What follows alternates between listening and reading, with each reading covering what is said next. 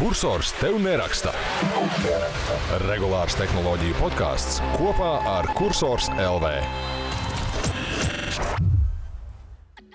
Esiet sveicināti, ko kursors un neraksta regulārā tehnoloģiju podkāstā 38. jo haidī cik daudz epizodē, kas ir rakstīta 25.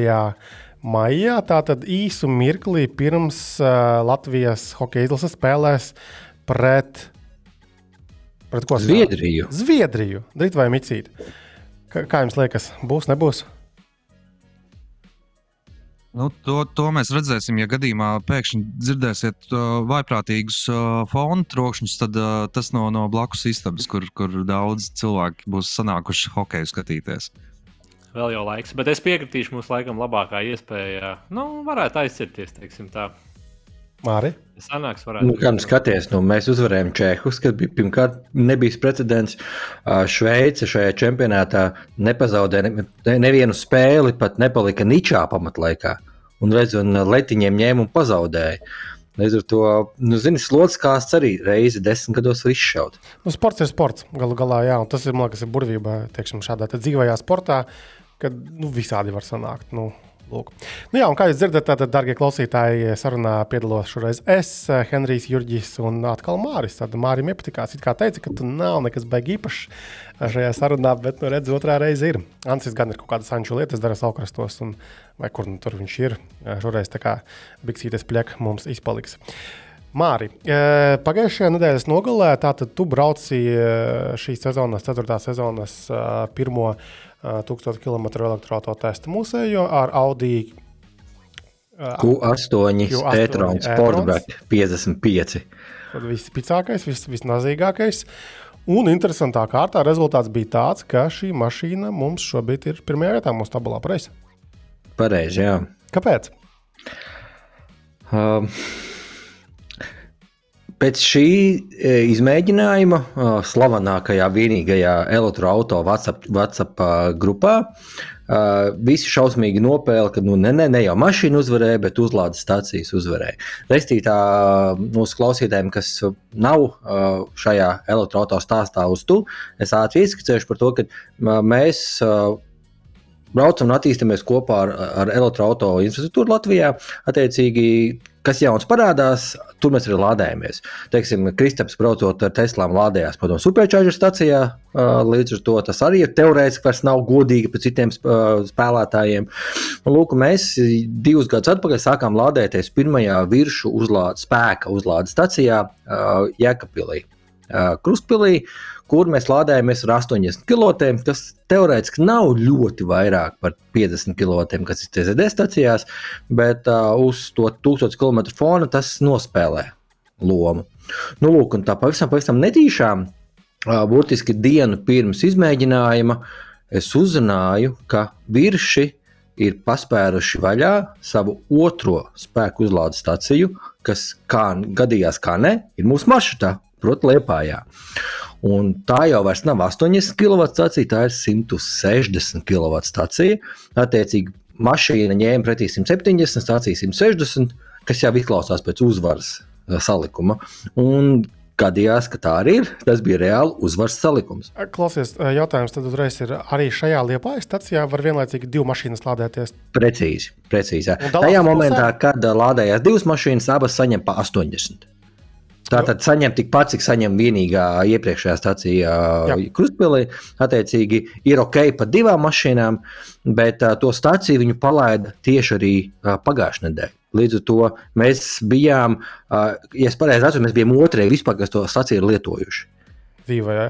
Jo nebija nekādas Jā. komunikācijas, jo es arī nebiju to nu, nekur dzirdējis, un gan jau viņi komunicēs kaut kad vēlāk, varbūt kaut ko vēl palaidīs. Uh, cik tad bija tie mašīnai uzlādes reizes?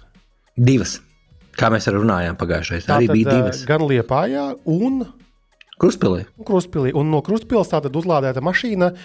Tu vairs bez uzlādēm atpakaļ uz Rīgu tiki. Ja? Jā, gan arī savs, gan jāatzīst, bet tikko atpakaļ. Un, ja mēs runājam par, par tiem datiem, tad um, kas tur bija? Stundas ziņā, teiksim, tā visa tā brauciena ir tas pats, kas bija iepriekšējā pirmajā vietā. Tikai atšķirība bija tāda, ka ir mazāks uzlādēs pavadītais laiks. Pareizi? Jā, par pusstundu mazāks. Jā. Tikai pusstunda. Tikai pusstunda. Jā. wow, tas nozīmē, ka tā kona ir ārkārtīgi laba. Vai, vai Jā. vienkārši apstākļi tur bija perfekti, ka vienkārši varēja nobraukt? Nu, skaties, uh, neitrons ir šikākais. Uh, ko 8 neitrons ir šikākais, ko tagad Audi piedāvā. Attiecīgi, tā mašīna ir liela, smaga, jaudīga, superīga un visādi visāda. Un viņai arī garšo elektrība. Uh, Patēriņš dēļ optimizācijām, ko es pagājušajā podkāstā minēju, kad ir modernāka baterija, modernāks tas paši dzinēji, modernāki. Mašīna brauca gandrīz 2 kWh 100 km ekonomiskāk, bet tāpat tas cipars ir augsts - 22,6 kWh, kas ir pa sanāk, kādiem 4 vai pat 5 kWh augstāk nekā līderis brauc. Tā kā tas patēriņa atšķirība ir milzīga tomēr. Jep, jep, jep. Okay, labi, tas nozīmē, ka noteikti tagad sekos kaut kādas mazākas, efektīvākas mašīnas, kas reizē joprojām spēs arī paņemt uh, lielu uzlādes jaudu, un tām būtu jābūt vēl priekšā, nu, ja atkal ceļā nenotiks kaut kādi apstākļi. Nu, tā būtu loģiski. un par ceļiem runājot, sāksim to, ka uh, pirms pagājušajā gadā, kad es vēl braucu, bija ļoti, ļoti daudz ceļu remontu pa ceļiem. Uh -huh. Šogad uh, es, uh, īpaši es biju arī pirmdien uh, Kaunijā aizbraucis, un es varu godīgi atzīt, ka Latvijā ceļi ir labāki šosejām. Ar, pie, ar pieminēšu, šosejām Latvijā ceļi ir labāki, kādi ir šosejas Lietuvā. Uh, pat uh, ātrgaitas uh, šoseja pirms viņas, kur ir 130, viņa ir stipri sliktākā stāvoklī nekā mūsu šosejas. Tagad tas jau viens tāds pozitīvs nots, kas bija ceļā, ka bija tiešām patīkams ceļš. Vienīgais ceļa remonts ir eh, tā pašā krustpilī. Sanāk tieši to posmu, kad nogriežās zem, zem pārbrauktuves, tieši to posmu viņi tagad remontē. Uh. -huh. uh, vienā posmā pilnīga, pilnīga rekonstrukcija ir, un otrā posmā vienkārši virskārti noraut lai to uh, nodalumu kārtsaucumu nomainītu. Tas bija vienīgais remonta posms, kas man, manu braucienu apturēja nu, pat desmit minūtēm. Es teiktu, nu, ne vairāk katrā gadījumā. Un viss, bet viss pārējais ceļš bija vienkārši fantastisks. Nu, redz, es tikmēr arī paskatījos, kamēr tu stāstīji, cik bija tad vidējais patēriņš uh, Kijai Nīro. Nieka 15,2 kWh uz 100 km. A, kā ir? Ot Tagad uh, tu varbūt seko vairāk, nu, nu noteikti seko vairāk šīm jaunajām elektromašīnām. Vai ir tādas, kas brauc ot šitajos 15, 16 uh, vasarā, vai tomēr visas mašīnas paliek lielākas, smagākas un nav gluži vairāk 15? Uh, visi, visiem tiem ražotājiem tas galvenais mērķis ir panākt to ekonomiskumu. Uh -huh. Un viņi to, viņi to mēģina izdarīt visādos dažādos veidos. Viena no tēmām, kā viņi to mēģina arī turpināsim podkāstā par riepām runājot, Jep. tā ir viena no lietām, ko viņi arī cenšas uzlabot. Otra lieta, ļoti, ļoti svarīga tēma, ir dažāda veida autoaerodinamika, tas CD rādītājs, lai būtu maksimāli zems. Un tad, ā, tas ir viens no veidiem, un tad jau, protams, visas tās baterijas optimizācijas, jo, skatoties, dotajā brīdī, kaut arī e-tronam ir jau tā mazliet labāka tā baterija, mēs dotajā brīdī vēl dzīvojam uz tā saucamās pirmās paudzes baterijām. Un jau runā, un jau, jau, jau, jau Elmusko jau runā jau stipri sen par otrās paudzes baterijām Teslās. Un tā otrā paudzes baterija ir paredzēta pir, kā pirmā mašīna būs Tesla Roadsters ar to vaiprātu jaudu. Tā būs tā saucamā otrās paudzes baterija, un tā jau sola jau to visu to padarīšanu ar elektromašīnām vēl patīkamāku. Nu, labi, līdz tam jā, 5 plus gadi vēl jāgaida visdrīzāk. Droši vien, jā. kaut arī pēc, pēc, pēc tāds, jau tā grafika jābūt bija jau gatavam visam. Jā, Elmusko grafiks. Nākamo gadu pārlika. Jā, protams, Cybertraku mēs arī jau saņemam jau, jau, jau cik gadus. Par riepām tu pieminējies, Mārtiņ. Tieši tā, jo tad mums bija, mēs publicējām relīzi, kurā Goodyears uh, informēja, ka vot, Volkswagen Buzz uh, šiem busiņiem viņi piedāvās uh, nu, stoku riekas, riepas, un komentāros tur diezgan panesās foršas diskusijas mums uh, kursorā. Uh, par to, vai vispār vajag uh, īpašas riepas elektromašīnām vai nevajag. Uh, kāds ir tavs mārciņas skatījums uz šo jautājumu? Es pav- pa- pavērsīšu šo tēmu mazliet plašāku un interesantāku. Tātad, uh, brauciena laikā man uh, viens tuvs paziņu uzrakstīja, ka arī ir pavisam, uh, pavisam uh, nesen pagājušā gada nogalē ticis pie sava arī Audi e-trona. Pie iepriekšējās paudzes gan sanāk Audi e-trona Sportback, kas tagad ir ko astoņi, tad arī ir Sportback, brauc laimīgs kā zilonis. Un uh, viena no tēmām, ko viņš tā teica, uzreiz, tā bija miljons gīku jautājumu, kas ko kā, kā patīk, kā tērējās, kā lādējās, visi standarta jautājumi. Viņš teica, viss ir superīgi, izņemot vienu lietu. Uh, Un tā lieta ir tāda, ka uh, viņam arī ir uh, e-trons ar 21 colu diskiem, tāpat kā izmēģinājuma auto, milzīgi diski, šausmīgi plata riepa. Un tā mašīna, tā mašīna saimnieks bija uzlicis jaunas vasaras riepas tieši gadu iepriekš. Sanāk, ka šogad ir, šogad ir viņam tā trešā sezona ar jaunām riepām. Un kā runājam, ka, nu, principā, ja tu liec jaunas, vasar, jaunas dažādu sezonu riepas, tad vasarā vienas, ziemā otras, tad faktiski vajadzētu varēt nobraukt trīs gadus ar vienu jaunu komplektu. Un viņš teica, tā, ka izskatās, ka man tūlīt būs jābrauc uz servisu, jo man riebas ir pilnīgi plikas. Mm. Jo ēdrons ir liels, smags.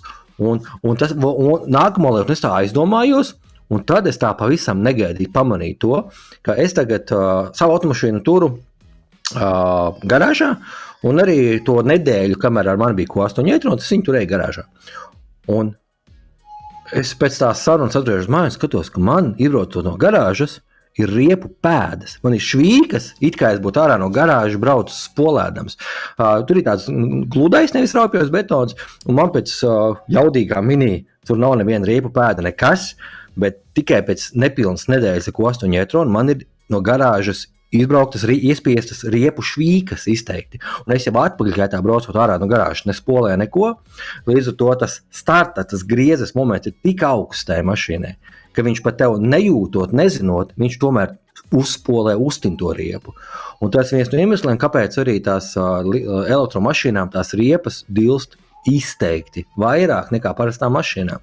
Un tas arī tas viens no iemesliem, kāpēc ražotāji skatās uz dažādām īpaši elektromašīnām pielasītām riepām, lai viņas būtu klusākas, ekonomiskākas, un arī būtu mazliet cietākas un, respektīvi, mazāk diltu. Par, par bortiem stingrākiem esmu lasījis arī, nu, ka tad ir tādi izturīgāki, atkal vienkārši masa lielāka ir. Un par to efektivitāti, jā, kad gan pēc uh, gumijas uzbūves, gan nu, tās sastāva, gan arī pēc tā zīmējuma, tas jau arī ietekmē šo. Jā. Jo mašīnai jau faktiski ir tikai divi tādi lielie ierobežotāji, kas nosaka ekonomiju. Gaiss Respektīvi, gaisa pretestība, tāpēc mm. autoražotājs strādā pie maksimāli aerodinamiskām mašīnām, un otrs, vēl daudz smagāks un lielāks uh, ierobežotājs riepa. Tātad, jo tev ir mīkstāka, foršāka, sportiskāka riepa, viņa labāk mašīna turās, bet riepa vairāk dilst un ir lielākā ceļa rīts pretestība. Un tāpēc tas viens no tādiem svarīgiem iemesliem, kas pēc kopējas ātri iemetu arī Google, paskatīties, kas notiekās ar reāliem kaut kādiem statistikas datiem. Fakts tāds ir, ka autoriepa nosaka gandrīz 70% reāli tās mašīnas pretestības. Un tikai 30% nosaka pats gaiss. Tas ir svarīgi arī tomēr. Tu prasīji tam čemam, kāds ir vidēji patēriņš tā enerģijas tajā mašīnā? Viņa? Augstāks. 25 un 25 plus. Jā, jo es paskatījos, testā mums bija tam lielajam metram 24 kaut kāda. Jā, jā mums tagad bija 22,6. Tagad, tagad, tagad tajā braucienā.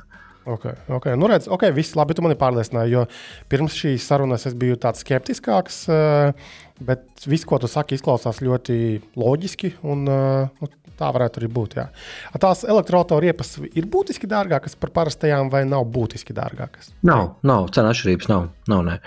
Vispār, jo īstenībā viņi pat ir tā, no tāda performances viedokļa, viņi pat ir tāda mazāk performīga. Viņi ir cietāki mazliet, lai viņi ilgāk turētos. Uh, Tas tur tomēr tas... rēķinās lielākā daļa, nu, izņemot retiem izņēmumiem, lielākā daļa elektromašīnas ir ar aizmuguri riteņu piedziņu. Līdz ar to tā reipa dilst bišķiņu vairāk. Tas ir, ja mēs nebraucam specifiskos izmēros, kā BMW i3, kur dārdzība rodas no tā, ka tas vienkārši ir tāds izmērs, kas nekam citam mm. vairāk pasaulē nedara. Jā. Un tas pats arī, piemēram, vien, viena, no, viena no lietām, ko man uh, Audi Moller pārstāv lūdza pieminēt, uh, gan rakstā, gan arī kaut kur citos saziņas materiālos, ir tajā, ka konkrētais, ko astoņi etrons nebija aprīkots ne ar īpašiem aerodinamiskiem diskiem, kas viņiem ir pieejami uz 20 colu izmēru, ne ar aerodinamiskajām riepām. Tas bija sporta diski ar sporta riepām. Līdz ar to tā mašīnai pēc būtības ir lielāks tas patēriņš nekā konkrētais modelis varētu panākt. Ok, ļoti labi. Ļoti labi. Tā, uh, kaut kas vēl tev ir par tām elektromašīnām? Uzlādēt, varētu uzlādēt par oh, jā, jā. Nu. Nu, lūk, tad, pirmkārt, jau milzīgs, uh, milzīgs uh, pārsteigums un prieks par to, ka viens no mūsu aktīvās, aktīvākajiem sekotājiem, tūkstoš km stāstā, ir paši virši. Viņi mums tādu foršu žestu izdarīja, pat, pateicās par uh, to, ka mēs viņus tik ļoti pieminam un viņus tagad lietojam. Pim- pamatā tagad tikai lietosim. Viņi mums uzdāvināja kebabu atlaižu kuponus, bet atlaižu, bet reāli lē- kebabu tik lēti kuponus. mēs esam, jā, tik lēti mēs Jā, esam. un mēs jau, mana vienīgā ēdienreize, un šī nav apmaksāta reklāma, mana vienīgā ēdienreize braucienā bija ā, Kruspilī viršos, kur es apēdu viņu kebabu, un es teiktu no kebabu punktiem 8 no 10. Ok, labi. Jā, tā kā paldies uh, virsiem. Jo šeit es gribu uzsvērt arī, ka nu, mēs tā kā īpaši nemeklējam ar viņiem sadarbības, mēs nekur neuzprasamies. Virši vienkārši ļoti loģiski mūsu maršrutā, gan Krustpils, Jēkabpils jau pagājušajā sezonā derēja, un tagad Liepājā mēs redzam, ka vēl labāk der, un tas ļauj vienkārši Jā. nobraukt ātrāk. Nu, lūk, viņam, tā, viņam, viņam ir plāns. Busulim varētu būt konkurence. Man liekas, Mārcis drīz varētu busuli izkonkurēt. Vai ne? Šos. Uh, ir tā, ka uh, viņiem ir milzīgs plāns. Uh, viņiem plāns līdz šī gada beigām palaist 16 viņu pašu spēku uzlādes stacijas. Opiņā. Uh, un jau nākamnedēļ uh, ir plānā, ja kaut kas neaiziet pa pilnīgu šreju, nākamnedēļ ir plāns palaist tādužos. Uh, arī 160 kW uzlādes staciju, un uzreiz pēc tam uz Siguldas šoseis arī vēl vienu staciju palaist. Mm. Tas ir Jau arī zināms, viņu pašu pārējās stācijā. būs. N- Viņi nesaka. es, es konkrēti pajautāju, klausies, dal- tad parunājamies, parunāsim par tevi podkāstā, dod precīzi informāciju. Nē, nē, nē, nē, nē, nē. Vēl nedosim, jo ir dažādas diskusijas ar sadalījuma tīklu, viņiem par vispār iespējām dažās stacijās. Viņiem ir noteikti punkti, kur viņi gribētu, bet pagaidām sadalījuma tīkls nespēja nodrošināt tās jaudas. Jo tas tā prasība, lai nodrošinātu to 160 kW stāciju, ir milzīgi daudz to, tas ieejas strāvas. Milzīgi daudz, lieli tie cipari ir. Tāpēc nekurā katrā punktā to vispār uh, var nodrošināt. Jo, piemēram, mūsu standarta lielā mājā mums ir 25 ampēri. Tas ir viss, kas mums par lielam pietiek. Ā, Tur jau ir 100 ampēri, kas ir nepieciešami, lai tā uzlādes stācija vispār varētu strādāt. Nu, jā, nu, jebkurā gadījumā malači uh, labi, kad attīsta. Un kopumā man jau liekas, ka mums jau gan, gan, gan pagājušajā, gan aizpagājušajā gadā bija jau labi ar tām uh, uzlādes vispār kopumā Latvijā, to tīklu. Atskaitot, varbūt pilsētās. Tagad pilsētās ir pievilkušies, paskat, elektrums, eleports uh, aktīvi darbojas un piedāvā tās. Uh, un, ja vēl arī ārpus pilsētām, kur tev virsū liek, nu, blin, tagad tik, tik tās mašīnas jāpērk un, un, un, un jāeksploatē. Jā, Eliportam tagad ir tādi divi izteikti lieli uzlādes punkti. Izņemot to, pirmo, kas bija tas 100 kW stācija uz brīvības, ir brīvas gatavas. Tad viņiem tagad tā milzīgā uzlādes stācija dominē. Un ā, viņi palaida pavisam nesen uzlādes stāciju pie sāgas, ā, kur ir divi lādētāji kopā ar četrām pieslēguma vietām. Ā, Un tā kā man sāga ir pa ceļam, tad es gandrīz katru vakaru māju ceļā uz 15-20 minūtēm ieskrēju sāgā pie Leporta, uzlādēties pie viņa 200 kW lādētāju. Tā kā ļoti, ļoti, ļoti labi. Un, uh, nu, tas ir baigi. Forši, jā, tā uzlāde gan eleportām, gan viņi ir dārgāka par CSDD cipariem. Jo CSDD tagad ir 17 centi par minūti. Nu, bet tas ir laikā ir, ā, mainīgi. Tas atkarīgs no tām biržas cenām. Viņi Jā, reizē viņi pa- viņi ceturksnī maina, Vai jā. reizē mēnesī maina? Ceturksnī laikā. Jā. Jā, bet uh, viņas ir dārgākas, jo, piemēram, uh, ja, piemēram uh, tās uzreiz konkrēti sa sa sa salīdzināmi cipari, kad uh, pagājušo gadu mēs braucām ap 20 eiro izmaksas bija uzlādēm uh, 1000 km ceļā, tad uh, man piekdienas brauciens izmaksāja 43 eiro, ja es pareizi no galvas atceros. Tad cipars dēļ tā dārgākās virsmas uzlādes, viņš ir reiz divi. Bet tāpat, ja mēs ieliekam to visu Excelī, tāpat tas ir vaiprātīgi lēti. Ja mēs- mēs salīdzinām ar dīzeli. Ok, labi. Zin kā, ja jau mēs runājam tik daudz par tām elektromašīnām, tu noteikti arī pamanīji, ka elektrumam ir savs elektroautorāta testu braucienu apkopojums, un viņi arī nu, komunicēja. Tāds bija relīze atsūtīta. Uh, tā tad ir izbraukts uh, vesels lērums ar tām uh, mašīnām. Tātad uh, Latvijā palielam pieejamās mašīnas, tāpēc tur nav Teslas. Vismaz pagaidām nebija. Kāds tev viedoklis vispār par šo uh, viņu? Viņi, brau, viņi brauc mazo maršrutu. Un tur jau tā lieta, es tagad skatos, tātad testa brauciens tika veikts trīs maršrutos. Pilsētas 90 km, šosejas 80 km un kombinētajā tur 150 km. Un, un tas ir tieši tas punkts, atkal, varbūt lūdzu nepārprotiet. Uh, ir ļoti labi, ka ir uh, dažāda veida testi. Uh, es ļoti labi saprotu, kāpēc elektrums gribētu šādus testus vispār ieguldīt enerģiju, resursus, laiku, nu, lai kaut kā promotētu savas tās uzlādes stācijas un visu pārējo. Bet es īsti netieku pāri tai sajūtai, ka tie rezultāti ir, nu, es negribu teikt, nekam nederīgi, bet ļoti maz jēgas.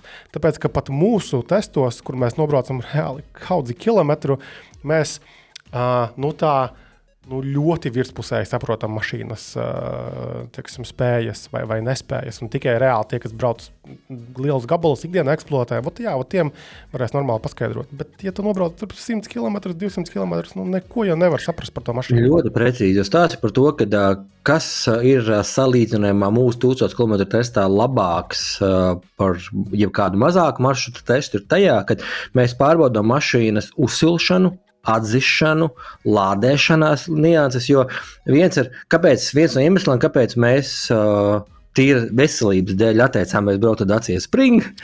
Jo tajā automašīnā ir brutālas problēmas ar uzlādi kā tādu. Jep. Viņa nenormāli lēni uzsilst, lāde, lāde dzēsēšana, lāde, iekšējā iebūvētajā lādēšanas sistēmā nav. Līdz ar to tas viss ir šausmīgi grūti. Mašīna pat par sevi brauc vēl ok, bet viņa nelādējās ne vēlna. Un, uh, un tikai tūkstotis kilometros var reāli pārbaudīt uh, un redzēt to, kā mašīna uzkarsusi, lādējās, atzisusi, lādējās un tam līdzīgi. Nu, plus vēl arī tā papildus pievienotā vērtība ir tāda, ka mēs jau ne tikai elektromašīnas elektrisko pusi skatāmies, bet arī kā, kā mašīnu kā tādu, kā viņi tur amortizējas. Tāpēc mēs par to grāmatā tur bijām pie Jurkonas izmocam. Uh, komforts galu galā, kāds ir būt atsēžot visu dienu tajā mašīnā. Piemēram, nu, kad pārsteigums man bija par mazo e-apu, ja tu par mazām mašīnām runā ka nav nemaz tik nekomfortabli. Mūsdienās var uzbūvēt normālus beņķus arī parastām mašīnām. Un vēl un vēl un vēl. Tāpēc uh, ir jābrauc pamatīgi ar tām mašīnām, lai vispār varētu kaut kādu uh, spriedumu uh, sniegt. Tā kā, jā, nu, lai turpina elektrums, bet uh, uztveriet lūdzu ar pietiekamu sāls uh, čupiņu uh, šos rezultātus. Man ļoti, ļoti interesē, kā tev būs nākamā nedēļa ar, arī. Jā, jā pabeidzam tad elektroautobusu. Nenormāli interesē, kā tev būs, jo viņai jābūt, jābūt ekonomiskākai, būtu jābūt. Kaut arī tu brauksi jaudīgo versiju, attiecīgi nezinām, kas tur gal galā sanāks. Bet man ļoti interesē rezultāti. Jo um, sākumā es ieminēju, bet nepabeidzām to tēmu, kad uh, pēc pirmās vietas pasludināšanas uh, elektroautorāta īpašnieku WhatsApp grupā bija tādi nu, viegli mērķēti uzbraucieni par to, ka nu, ne jau mašīna uzvarēja, virsstacija uzvarēja, bet tā īsti nav taisnība. Jo uh, kas bija uh, Eitronam kolosāli, jebkādā stācijā, kurā tu spraudies, viņa ņem maksimumu. Un mums ir bijusi pieredze arī ar dārgām mašīnām un visām citām mašīnām, kad tu, tu piesprādi viņu pie uh, CZD stācijas. Viņi ņem 35. Piesprādi pie virsmas stācijas. Viņi ņem. Es atceros, pagājušajā gadā es braucu ar e-tron GT, es braucu ar uh, ID5, uh, un viņas virsmu 80 kW stācijā Kruspilī ņēma 68, 69. Ko 8 e-trons ņem 80,5. Reiz viņš ņēma visu, ko stācija varēja iedot. Tā kā mm. nav tā, ka tikai, ne tikai virsmas stācija iedeva to uzvaru, bet ko astoņi eitrons kolosāli ņēma pret elektrību. Kolosāli. Un tas arī bija tā, ka, ja, es teiktu, ja viņš ņemtu to elektrību mazāk, tur 100 kW vai kaut kādus 60 kW kurspīlī, viņš nebūtu pirmā vietā, viņš būtu nokritis otro, trešo vietiņu. Jā, jā. Tas būtu labs rezultāts, protams, bet viņš vairs nebūtu izteikti līderis. Protams, ka tas tā, tā līderības, nu, tā kā savā starpā arvien mazāk salīdzinājumi šie rezultāti paliek. Uh, Bet mēs jau arī katru šo te testu atsevišķi kā vienību uztveram. Nu, tāpēc, ka, nu kā, tāpat ir tas video, tāpat ir tas apraksts, kur mēs rādām, stāstām to mašīnu. Un, protams, ka uh, visprecīzāk uh, šis tests atspoguļo to situāciju šajā konkrētajā testa dienā. Tagad, piemēram, baigo būstiņu iedevā tas, ka mums ir tās superstācijas. Es ticu, ka pēc gada vai pēc diviem būs ļoti daudz nu, krietni vairāk šo elektromašīnu. Un visdrīzāk reāla problēma būs tas, ka būs rindas arī ārpus uh, Rīgas. Tad būs jātērē laiks vai nu pagaidot, uh, un mēs neņemsim la, nu, teiksim, šo te gaidīšanas laiku vai braukšanas uz citu staciju laiku, tāpēc ka tā būs tā reālā situācija. Šobrīd mēs esam fāzē, kad ir daudz uzlādes staciju. Ātru staciju, arī maz mašīnu. Bet kaut kādā momentā taču mašīnu skaits arī palielināsies. Lūk, Uh, jā, labi. Tad uh, nākamajā tiešām nedēļas nogalē būs Nissan Arija. Uh, es arī gaidu šo te testu. Un tad jau tālāk mēs informēsim arī par tiem nākamajiem braucieniem. Bet es domāju, viss uf, piegriežam, lai man nav komentāri pēc tam jādzird, ka, oi, jūs tur baigi ilgi runājat par elektromašīnām. Man neinteresē mašīnas. Tā kā iepriekš man par iPhone. Man pat, man pat bija viens jautājums. O, nu, nu. Tad, ja.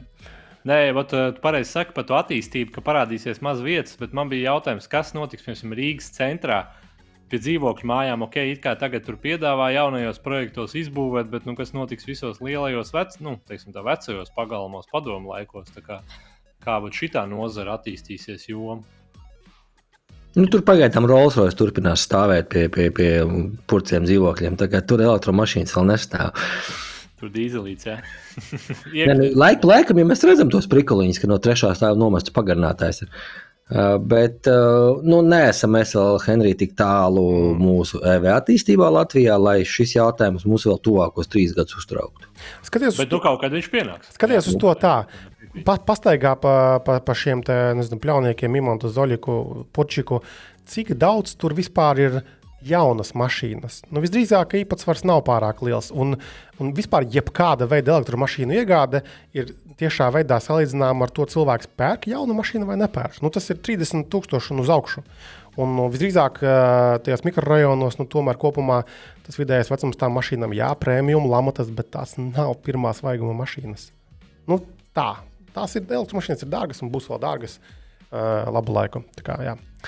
okay, um, Elektromašīnas pietiek. Uh, Jurģim ir nākamā ziņa sagatavota par Sony jaunumiem. Mūsu Sony vēstnesis aiziet. aiziet.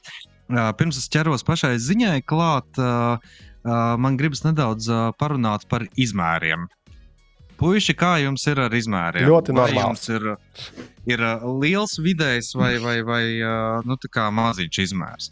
Un šajā gadījumā es runāju par, par telefoniem, protams, ko tad jūs padomājāt citu. Uh, jo, jo jautājums ir, ir par to, vai, teiksim, vai jums patīk klāpsts izmēra telefona, vai jums patīk kompaktāki izmēri. Nu, Henrija, liels izmērs, labāk nekā mazs. Es labāk liels izmērs, jā. Tagad arī pēc iPhone testa lielā, jā. Kas, tev, kas tev tagad ir, Henrij? Pro vai Pro Max? Man parastais pro. Nu, pro Man arī parastais pro. Tas jau nav liels. Tas ir ļoti komp mūsdienu standartiem ļoti kompakts izmēra telefons. Bet priekš Apple, Apple līnijā tas būs nu, jau nu, nosacīti jau liels. Nu, tādā ziņā. Nu, jā, nu, tas ir vidējais. Vidējais izmērs, vai mums SE mazais, ir pro vidējais un pro max lielais. Nu, jā. Uh, savā laikā uh, Sony Xperia bija slavena ar savām uh, kompaktajiem uh, vietāluņiem. Tātad viņiem bija flagmaņi un viņiem bija kompaktā uh, klase, kas, kas būtībā bija tāda, tāda pati gandrīz flagmaņu spēcene, tikai kompaktākā izmērā. Un tie patiešām bija ritīgi, ritīgi forši telefoni. Pēc uh, es biju ļoti, ļoti ieinteresēts, kad GSM arēnā parādījās uh, uh, uh, Sony Xperia Compact Foldable uh, koncepts. Uh, Tas nozīmē, ka, ka, ka viņu, viņu ideja, kā turpināt uh, šo kompakto sēriju, kas uh, kādu laiku jau bija pieklususi, ir uh, veidot salokām vietā runa. Un tā īstenībā ir manu, manā skatījumā ļoti, ļoti forša ideja, jo salokāmie vietā runi patiešām ir kompaktāki. Nu kā, nu, viņi ir pudenīcas izmērā, un tu, tu mierīgi iebāzi kurā kabatā viņus iekšā. Tur gan tas uh, koncepts pats, uh, viņš, es neteiktu, ka viņš ir uh, super uh, tāds, nu, uh, mūsdienīgs, jo dīvainā kārtā viņi patiešām ir uztaisījuši telefonu, uh, kurš kā, salokās, bet viņi nav uzlikuši, pieņemsim, nu, kā ekrānu, tā kā fol foldam, uh, uh, foldam, nē, flipam. Es vienmēr jaucu, kurš, kurš, ir, kurš, kurš ir grāmatiņa. Grāmatiņa ir, nu, ir folds, flips ir uh, pudernīciņa. Flips ir, flips ir, flips ir jā. Pūdernieciņa, jā. Uh, nu jā, vienmēr sakot, viņi nav uzlikuši virsū ekrāniņu. Bet, nu, protams, tas iespējams vispār ir kaut kāds ļoti vecs, vecs koncepts. Varbūt, ja patiešām viņš iznāks, tad, uh, tad izskatīsies kaut kā pilnīgi, pilnīgi citādāk. Bet uh, šis, protams, uzdod jautājumu. Nu, mēs varam aplaudēt un priecāties par to, ka Sony Xperia kompakta atgriežas, bet tas uzdod jautājumu par to, kas notiks ar Sony Xperia 5 marka jaunākajām versijām. Jo tās parasti bija tās, kas bija pārmantojušas uh, kompaktās sērijas features. Jo, jo patiešām bija tā, ka parasti iznāca tas Sony Xperia viens marka, kā nu kuru katru gadu, uh, kurā bija salikts uh, vislabākais, ko, ko, ko viņi izdomājuši. Un pēc kāda laika iznāca Son, uh, Sony uh, Xperia 5 marka kaut kas, kurš bija gandrīz tāds pats identisks, tikai kompaktākā korpusā, par zemāku cenu un, un, un tam līdzīgi. Tā kā, nu, skatīsimies. Bet tā idejiski, manuprāt, šis ir foršs, labs variants, kā tikt pie maza, bet jaudīga telefona. Nu, sagaidīsim, tiešām, kad tur kaut kas uh, būs oficiālāks un uh, būtu, būtu interesanti. Bet pudrnīca bez ekrāna, manuprāt, no nu, arī ekrāna būtu manuprāt, diezgan dīvaini. Jo es pats, kā pagājušā podkāstā minēju, nostaigāju mēnesi ar uh, flipu Samsunga, un es viņu pamatā lietoju tikai ar mazo āro ekrāniņu. Mm. Līdz ar to mm. ļoti dīvains. Viņš nevir, nevirināja visu laiku. Telefons. Nevirināja vaļā visu laiku pēc. Baigi nevajadzēja. Nezinu, vai otrais telefons baigi nevajadzēja. Līdz ar to paskatījos kādu notifikāciju, jo telefona zvanu varēja pacelt arī viņu neatverot. Okay. Bet, zinu, ko es tagad arī skatījos nesen vienu tādu apskatu, tieši kur Motorola to, to reizeru salokāmo. Un tur bija tāds foršs tam apskatniekam, tāds nu, fakta konstatācija, kaut kādā mērā pārmetums. Senos laikos, kad bija tie podziņu telefoni, viņi tā klats attaisījās un klats aiztaisījās mm -hmm. super ātri. Savukārt, šitie ar tiem lokanajiem displejiem, nu, tu nevari viņu klats attaisīt. Viņš, tur, tur ir pretestība, jo tas ir displejs, kas tur lokās. Un tāpēc varbūt arī tev ir mazāka vēlme. Ja viņš šī tik forši klats vērtos vaļā un cieta kā iepriekšējo laiku telefoni, varbūt tu biežāk virinātu. Domā, ne? Bet Samsungs, man liekas, Samsungs bija foršs. Man liekas, Samsungam viņš labi vērās vaļā. Viņš nebija tā, ka viņš nebija lēni un slinki, kā nu, foldiņā. Flipiņš arī pat klikšķīt vērās vaļā. Nu, bet ne tik krūta kā senos laikos. Nu, skaidrs, ka nē. Nekas nav vairs tik zaļš. Tur bija uh, podziņi, ko tu piespiedi, ka viņš pats reizēm atnāk vaļā. Un bija pat, uh, man šķiet, ka Samsungam bija viens uh, motorizēts variants, kur tu pogu piespiedi, viņš atnāk vaļā, tu pogu piespiedi, viņš pats arī aiztaisās. Es domāju, ka mēs vēlreiz iesim šitam cauri kaut kādā brīdī arī ar, mm -hmm. ar salokāmiem, kad viņi visi, visi atkal kļūs vienādi un būs kaut, ar kaut ko jāšķiras. Atceramies, ka OnePlusam bija tās uh, motorizētās izbīdījumās kamerāņas, piemēram, vienam mm -hmm. modelim, man liekas, bija uh, vēl kaut kādam, es biju kaut ko līdzīgu redzējis. Uh, vēl par tādām jancīgām, par tehnoloģijām. Es tagad skatos vienu preses relīzi no Acer kurā viņi lepni saka, ka viņi ir uh, izlaiduši savu pirmo eko-draudzīgo Wi-Fi 6E mešu rūteri. Un es uzreiz lasu, kas, kas viņiem ir, kā viņi to eko panāk. Jā, tad okay, mums ir pārstrādāta plasmasas materiāli, un tad viņiem ir kaut kāds eko režīms enerģijas patēriņam, samazinātam. Jā, Paskaties, tad eko blembuku var piekārt reāli visam mūsdienās. Noteikti tur būs vēl kaut kāds eko režīms, kas uh, Tad, jo tu vēlēsies būt ekoloģiskāks, jo mazāk, teiksim, tev datu pārraide ierīcē. Ja? Viss nevar vairāk kačāt uh, filmas. Nē, viņi darbojas tikai tagad, kad ir uh, atjaunojama resursu elektrība. O, Pareiz. Jo iPhone tāds režīms vispār ir, bet laikam ne pie mums ASV. uh, Latvijā, bet Amerikā ir viņiem tāds. Jā.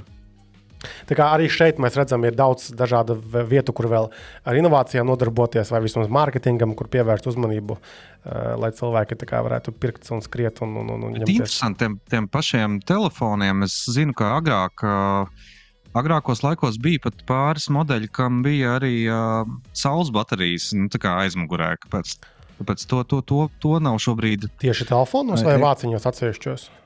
Telefonos, telefonos, jā. Smogs. Bija. Man ir Samsung televizors pults ar, ar saules baterijām. Bet viņu okay. Nu, baterijas ir nomaināmas vai nav nomaināmas? Nē, nē, nē tikai saules baterijas panelīts otrā pusē. Un nekā... kā kalkulatorā. Un nekā cita, nē, nekā cita. Un, un, un vienmēr ir uh, darbojies, un nekad tu neesi neko. Tas telzos man ir kaut kādas divas, trīs nedēļas, tā kā es vēl nevaru baigi par ilgu mūžību atbildēt.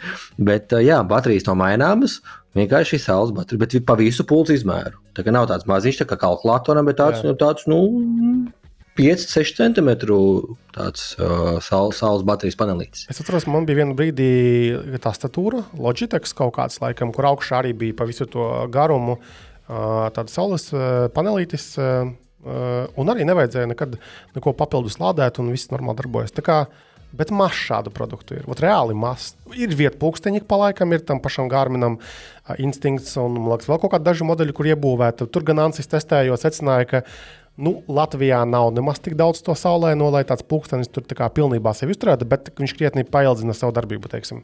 Ja kādā saulēnajā Bolīvijā tu tur tusētos, man liekas, tā viņam bija arī tur tajā tekstā rakstīts, tad, tad varbūt tas spēlētu būtisku lomu. Tā kā ir, bet mēs arī testējām vienreiz arī kaut kādus powerbankas.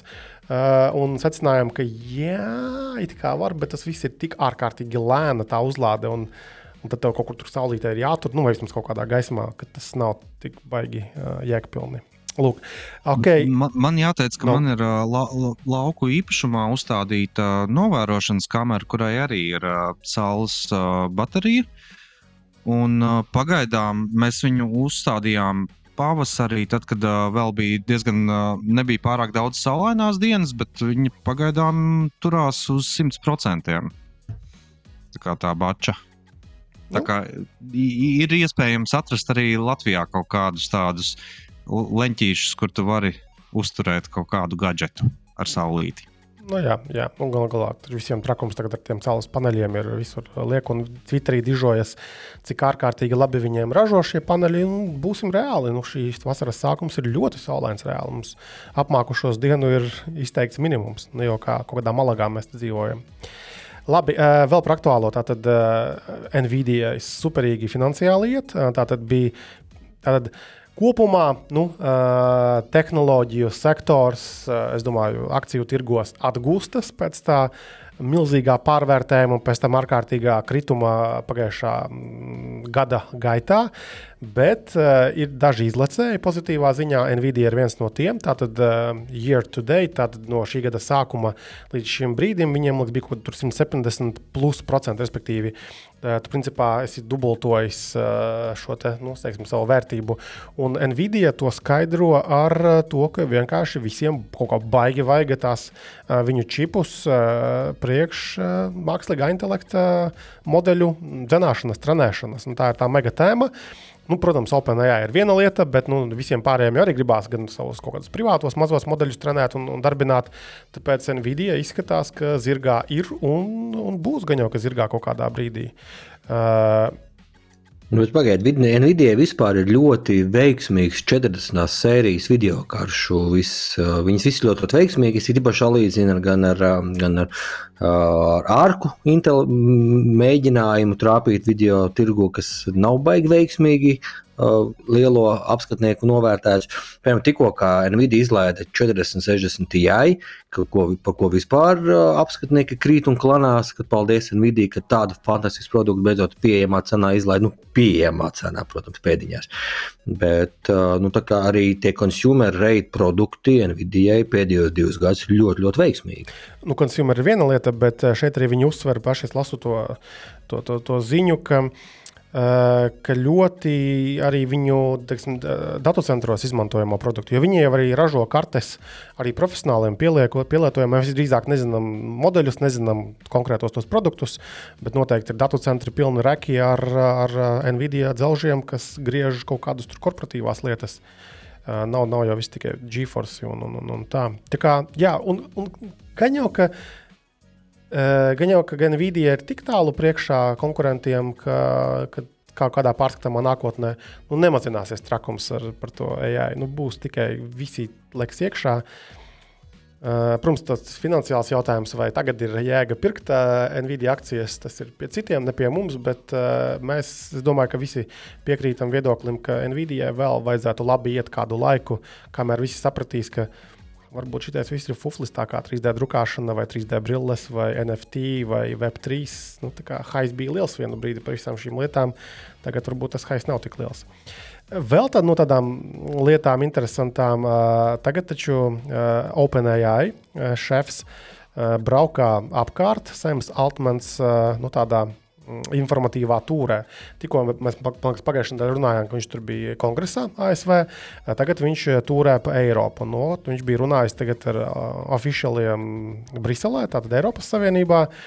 Un arī tāda, nu, katra puse tur pauž kaut kādas savas bažas, un tad viņš tur bija izteicies, ka Uh, nu, ka jā, nu, labi, varat jūs tur regulācijas kaut kādas likumdošanu tur ieviest, bet, ja jūs kaut ko tur baigi tur skarbu sataisīsiet, tad mums nāksies aiziet no Eiropas uh, tirgus, nu, jo mēs nespēsim turēt līdzi. Uh, un tad arī bija papildus ziņa, ka arī Google uh, vadītājs un Dārns Pičājs arī vazājas apkārt pa dažādām uh, šāda veida uh, iestādēm un arī mēģina pičot, skatīties, kāda ir tā nu, uh, teiksim, sajūta. Un, un viņa tas viedoklis ir tāds, vai pieņemat tur likumiņas, bet tikai tā, lai tas netraucētu mums inovēt, nu, kas jātulko kā nu, kas netraucētu mums pelnīt piķi no visa šī pasākuma. Tagad tā kā interesants uh, lietas arī notiek. Arī, arī šajā ziņā. Un ko tad īsti vispār varētu regulēt uh, Eiropas Savienība, jo viņi arī nu, kā, tajā virzienā kaut ko jau domā. Tā tad pavisam ir, ir, ir skaidrs, ka Tātad tas, ko Eiropas Savienība grib panākt, lai šādu modeļu un to rīku izstrādātājiem, tam pašam OpenAI, būtu jābūt atbildībai par to, kā tiek izmantotas šīs te tehnoloģijas. Jo pagaidām mēs neesam dzirdējuši baigi daudz gadījumus, tādus būtiskus, kur kaut kas slikts tiek izdarīts. Jā, tur bija uh, uzģenerēta kaut kāda pentagona tipa spridzināšanas bildīte, un tad tur bija kaut kāds hais uz vienu vai divām dienām. Bet tas ir viss salīdzinoši sīkums. Bet kaut kādā momentā tiks izmantots kaut kādiem tiešām fake news un, un visām tādām lietām. Tā tad ir atbildības jautājums. Tālāk bija uh, vēl tāds būtisks jautājums, ka šo modeļu uh, turētājiem, veidotājiem ir jānorāda, kādu, tad, nu, kādu materiālu viņi izmanto, it īpaši ar autortiesībām aizsargātu materiālu, lai trenētu savus modeļus. Mums tas ir super valīts uh, komentārs, jo taču arī mēs esam jau dzirdējuši gadījumus, kad tur kaut kāds Shutterstock vai kaut kurš no šīm fotobankām sūdzējās, ka kaut kādi gudrinieki bija uh, vienkārši no, nokravlojuši pa lielam viņu tās bildes, metadatus savākuši. Jo tev taču jāsaprot, ka tas, piemēram, bildē ir suns vai kaķis vai vēl kaut kas, un nemaz nemaksājot par šādām lietām. Tā kā, labi, ka arī to viņi grib. Uh, grib sakārtot. Tā kā, nu, tādas tā būtiskās uh, lietas. Protams, es domāju, vēl tur daži gadi paies, kamēr uh, mēs redzēsim, kura puse vairāk vai mazāk uzvarēs. Uh, jo nav jau tā, ka Eiropas Savienībai nav nekādu panākumu. Jo paskatieties, tikko bija šīs nedēļas ziņa, ka Eiropas Savienība ir uzlikusi eh, nu, Facebookam metai 1,2 eh, miljardu eiro sodu, un tur ir eh, GDPR jautājums. Tātad stāsts ir par to, ka Facebook nav Eiropas Savienības iedzīvotāju datus apstrādājis datu centros Eiropas Savienībā, bet sūtījis uz ASV, un tur tā apstrāde notikusi. Protams, labs jautājums, kā regulātori šo ir noteikuši, nu, kurš viņus tur īpaši laiž datu centros, bet fakts kā tāds soda nauda ir piestādīta, un tur tā soda nauda ir tik milzīga, tāpēc, ka GDPR soda gadījumā tur no apgrozījuma tas tiek ņemts vērā. Un, jā, redzēt, protams, ka tur Facebook tiesāsies un vispārējais. Uh, Bet šis arī tāds eh, nu, labs case. Eh, tad, kur šie dati tiek apstrādāti, kur tie dati tiek sūtīti, netiek sūtīti. Tāpēc, jā, skatīsimies, eh, sekosim, ko vēl tur Eiropas Savienība izdomās. Tālāk, kas vēl tāds bija interesants par mākslīgā intelekta tēmām kaut kādām? Var pieminēt, bija spots vairāk pie zemes atgriežoties pie Jā. likumiem. Man gan bija šim vēl piebilstot, man patīk tas komentārs, ko Eiropas Savienība arī tagad ar USB-C pa lielam jau kādā mērā ierobežo nozari. Liekot visiem iet uz vienu standartu. Nu, es nezinu, kāds izdomās kaut ko jaunu pēc pieciem gadiem, kas tad notiks. Nu, tas tāds vairāk, ka droši vien tam regulējumam bija jābūt nu, kaut kā viņš citādāk varēja būt. Tas ir tas, tas ir tas, par ko Apple iespringst, ka ot, jūs Jā. mums tagad uzspiežat uh, vienu konkrētu standartu, un tas mums liedz inovēt. Nu, labi, tieši tā. Jā. Tad, kad Lightning parādījās, labi, tas bija plusi. Pats uzspiež vienu vienīgu standartu Tāpēc, visiem saviem lietotājiem. Tāpēc, ka Apple zina labāk. jā, jā. Un tagad tā ir. Jā, mhm. sorry, turpini, Henrij.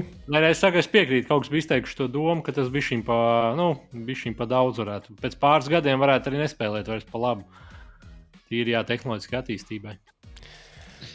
Tur jautājums gan ir par pašu kontekstu, jo konteksts šajā gadījumā, protams, ir Eiropas zaļais kurs nospraustais.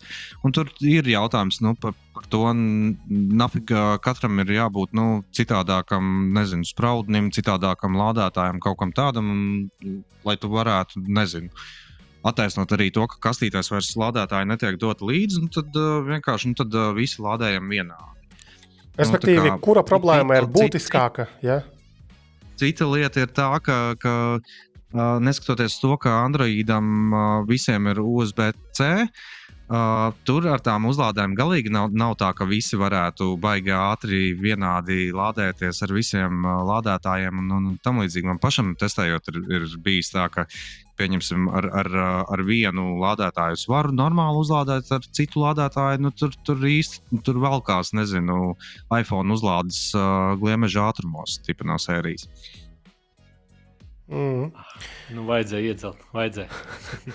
Bet, ja vēl paturpināt, ne par mākslīgo intelektu, jā, bija šodien mums arī pāris ziņas, ka viens no Spotify, kam uh, Spotify podkāstiem, viņš tur atsevišķi Spotify iegādājies, viņi sāk testēt tādu interesantu lietu, ka viņi ieraksta balss modeli.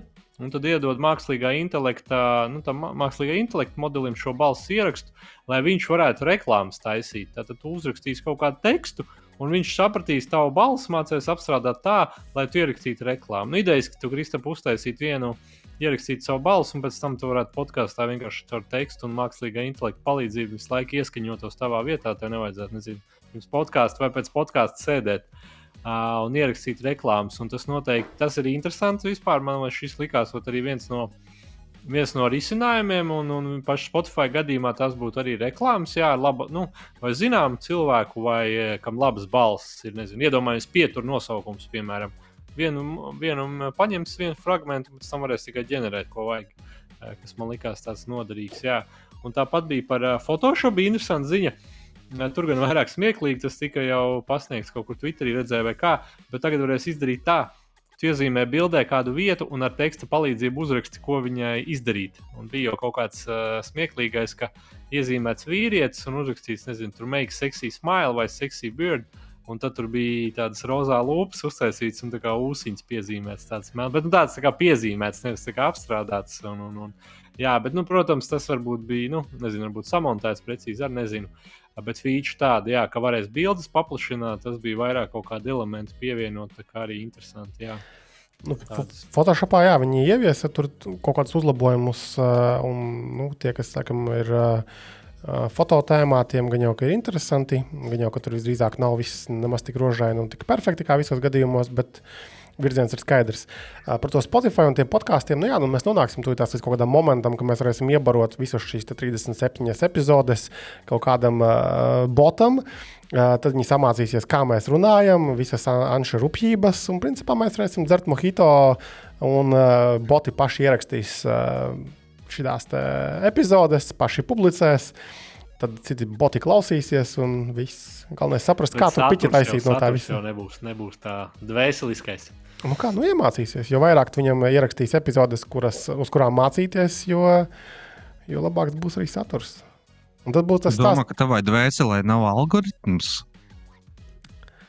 Es domāju, ka, ka, ka to, to var atrast. Es domāju, manā rīcībā ir algoritms, bet tas, ka mēs sanākam kopā un runājam, nu, to, tas, es pieņemu, ka tas tomēr ir unikāli. Bet iespējams, uh, var arī to aprēķināt, izskaidrot. Nu, par šo satura radīšanas mākslīgo intelektu pavisam nesen, mums ir pēdējā mēneša ietvaros, bet Keisijs Neistats, viens no slavenākajiem Jā. pasaules youtuberiem. Uh, viņš izspēlēja joku, viņš palūdza uh, mākslīgam intelektam uzrakstīt scenāriju viņa uh, nākamam YouTube video. Un viņš to video uzfilmēja pēc uh, mākslīgā intelekta radītā scenārija. Beigās tās atzinums bija, ka nu, pilnīgi kā drāza. Jo Tad tieši tā kā Henrijs minēja, nav tā cilvēciskuma, nav tās emocijas. Ir vienkārši ir atstrādāts robotisks teksts, robotiskas darbības, uh, kuras mēs jau tomēr arī šeit podkāstā mums ir sarakstītas tēmas, bet mēs tik ļoti izplūstam dažādās lietās un diskusijās, ka nu, nav mums nospraust konkrēts scenārijs, ko mēs runāsim. Un tieši tāpat arī AI to nemācēs iemācīties mums pagaidām. Kad emocijas tur, pasmēdam tur, nogāžamies no skūtera tur. To jau AI neizdarīs. Pagaidiet, ja viņam būs datubāzē kaut kāda tur pilns random elementu un vienkārši randomizācija uzgriez vairāk vai mazāk epizodē, un kaut kas figņas nāks laukā. Jā, nu, ok, tur gan jau ka vēl jāpastrādā šajā virzienā.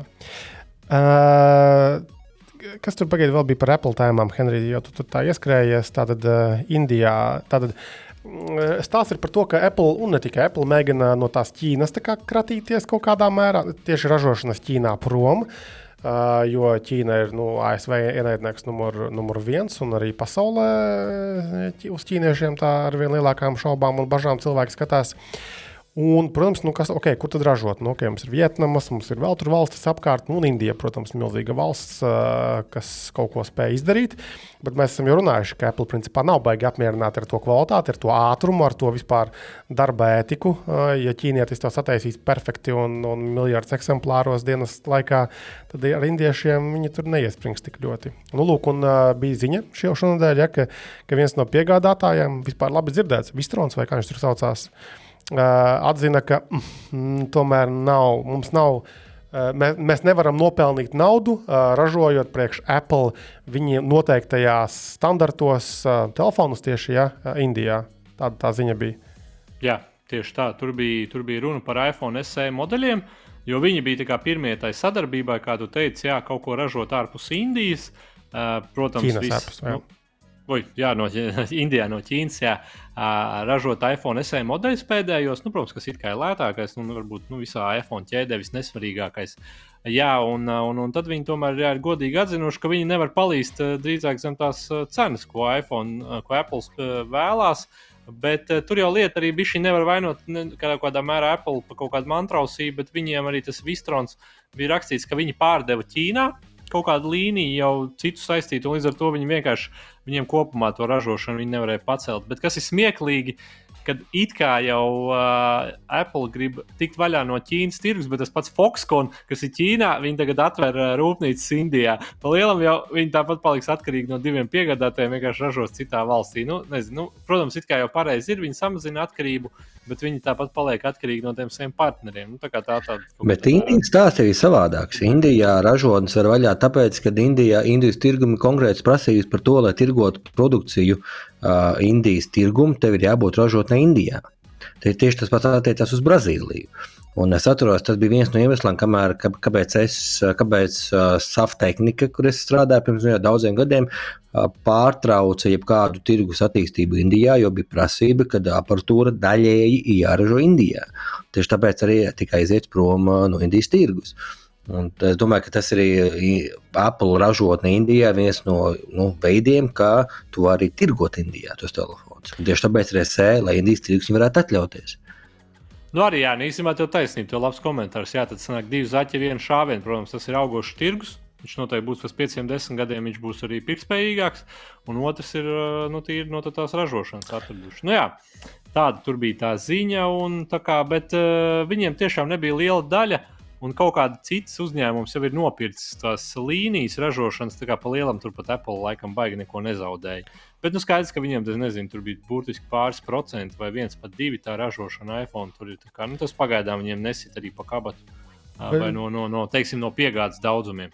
Jā, bet Māra komentārs beigas labais. Un es mm -hmm. atcerējos, ka tātad, lai auto ražošana ārzemju kompāniju varētu notikt Ķīnā, Tātad, eh, kā tur bija? Eh, tev ir jāstrādā ar ķīniešu partneri, un tā mašīnām ir jābūt ražotām Ķīnā. Kā tur bija? Vai tur bija pusi uz pusi jābūt eh, īpaši, īpašniekiem arī Ķīnā? Tur bija kaut kāda baigi brutālai nosacījumi.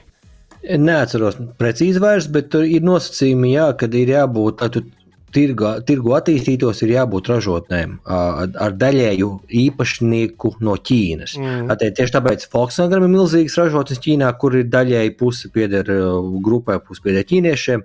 Bembim ļoti izteikti, tāpēc arī var teikt, tāpēc Volkswagen un Bembim un Mersim ir šausmīgi daudz individuālu Ķīnas modeļu, kas nekad Eiropas gaismu neieraudzīs. No, tas ir viens no, viens no vienīgajiem veidiem, kā tu varētu vispār ražot tās mašīnas un pārdot tajos tirgos. Šeit ir viena saistītā ziņa. Tā tad uh, bija ziņa, vai, nezinu, vai bauma vai kas, bet tā tad Volkswagen mašīnas, kas ir paredzētas tirgošanai Ķīnā, darbosies ar Harmony OS, kas ir Huawei radīta operētāja sistēma. Tātad Ķīna, protams, ir tik milzīgs uh, un salds uh, tirgus, ka ķīnieši var kačāt pravas. Gribat mūsu tirgu? Nu, davai, vokur mūsu softu izmantosiet. Uh, daļās jābūt mūsu uzņēmumiem, un tad jūs varat ražot. Nav nekas vienkāršs šajā te. Jā, tagad jau rēķinies, tagad jau Ķīnas autotirgus vairs nav tikai Ķīnas autotirgus, ir Ķīnas autotirgus plus Krievijas autotirgus. Jo Krievijā, Krievijā teiks, tas pats Moskvičs ir pārbrandots kaut kāds Ķīnas elektroauto. Attiecīgi ļoti, ļoti aktīvi visi Ķīnas ražotāji ir iekāpuši tajos tirgos, ko pasaules ražotāji pametuši. Ja mēs runājamies par mašīnām, par Ķīnu, interesanti raksti arvien vairāk sāk parādīties, ka kaut kādā brīdī mēs sagaidīsim pieejamas, sakarīgas ķīniešu ražotas elektromašīnas arī Eiropā. Kāds ir tavs skatījums? Iedos viņi kloķi mums pierastajiem autozīmoliem Eiropas, vai tik vienkārši tas viss nebūs? Iedos, iedos. Rēķinies, Latvijā ir jau divas Ķīnas mašīnas. Divas Ķīnas modeļi. Viens uh, ir aizķēries ar certifikācijas jautājumiem jau gadu. Uh, Tas modelis saucās Ceres. Tā mašīna viņu izplatīs visdrīzākais autobrāva. Tā mašīna fiziski divi modeļi, gan crossovers, gan sedans jau ir jau par Rīgu jau braukā, bet kaut kur netiek viņi galā ar, ar, ar tiem juridiskiem jautājumiem. Un ir vēl viens ražotājs, kurš tagad neatceros no galvas, kas arī ir jau uz fināla fāzes jau tajos pēdējos, papīros. Tas mašīnas ir ID3, respektīvi tāda nu, biznesa klases uh, hatchback, uh, lielā hatchback izmēros, un viņas maksā 10, 12 tūkstoši eiro lētāk. Attiecīgi, nav tā, ka pa lēto. Lētākais Ceres, Ceres 3 modelis maksā 32, 33 tūkstoši. Attiecīgi, kaut kādi 10 tūkstoši zem ID3 un, un, un, un zem, zem Kupras. Uh, Seres 4 vai Seres 5, kas bija bijuši augstākais, maksāja mazliet virs 40, atteicis atkal kaut kādi 10, 12 tūkstoši zem uh, Eiropas crossover cenas. Tā kā nebūs lētā desa, tas ir skaidrs, bet kaut kādu tirgus daļu viņi paņems. Nav tā, ka teiksim, tās elektromašīnas ir kaut kādā mērā arī vienkāršāk saražot, jo tur mazāk tur to komponentu nav, tur ar motoriem, transmisijām jākrāmējas. Nu, tad, kad tu atkot, protams, bateriju tehnoloģijas, kontrolieru tehnoloģijas, elektromotoru tehnoloģijas un softa tehnoloģijas. Noteikti, jo skaties, tev parastajā iekšdedzinēja automašīnā ir 10 līdz 15 tūkstošu dažādu kustīgu detaļu. Detaļu kopā vēl, vēl tur daudz vairāk, bet tieši kustīgas detaļas. Bet es neatceros to ciparu precīzi, no prezentācijām kaut kādām pagājušajā gadā. Es stāstīju to ciparu, kad uh, ID5, jā, ID, tā bija ID5, ja, Volkswagen ID5 prezentācija, un tur teica, ka tur ir 150 kustīgas detaļas. Tas viss apjoms, kā tā elektromašīna ir uh, mazāk kustīga, ir uh, ļāvis iespēju ražotājiem, kas ir nezināmi, kļūt par dažādu pat labu uh, elektromašīnu ražotāju. Tas pats viens no Amerikas brendiem Lucid, Lucid Air.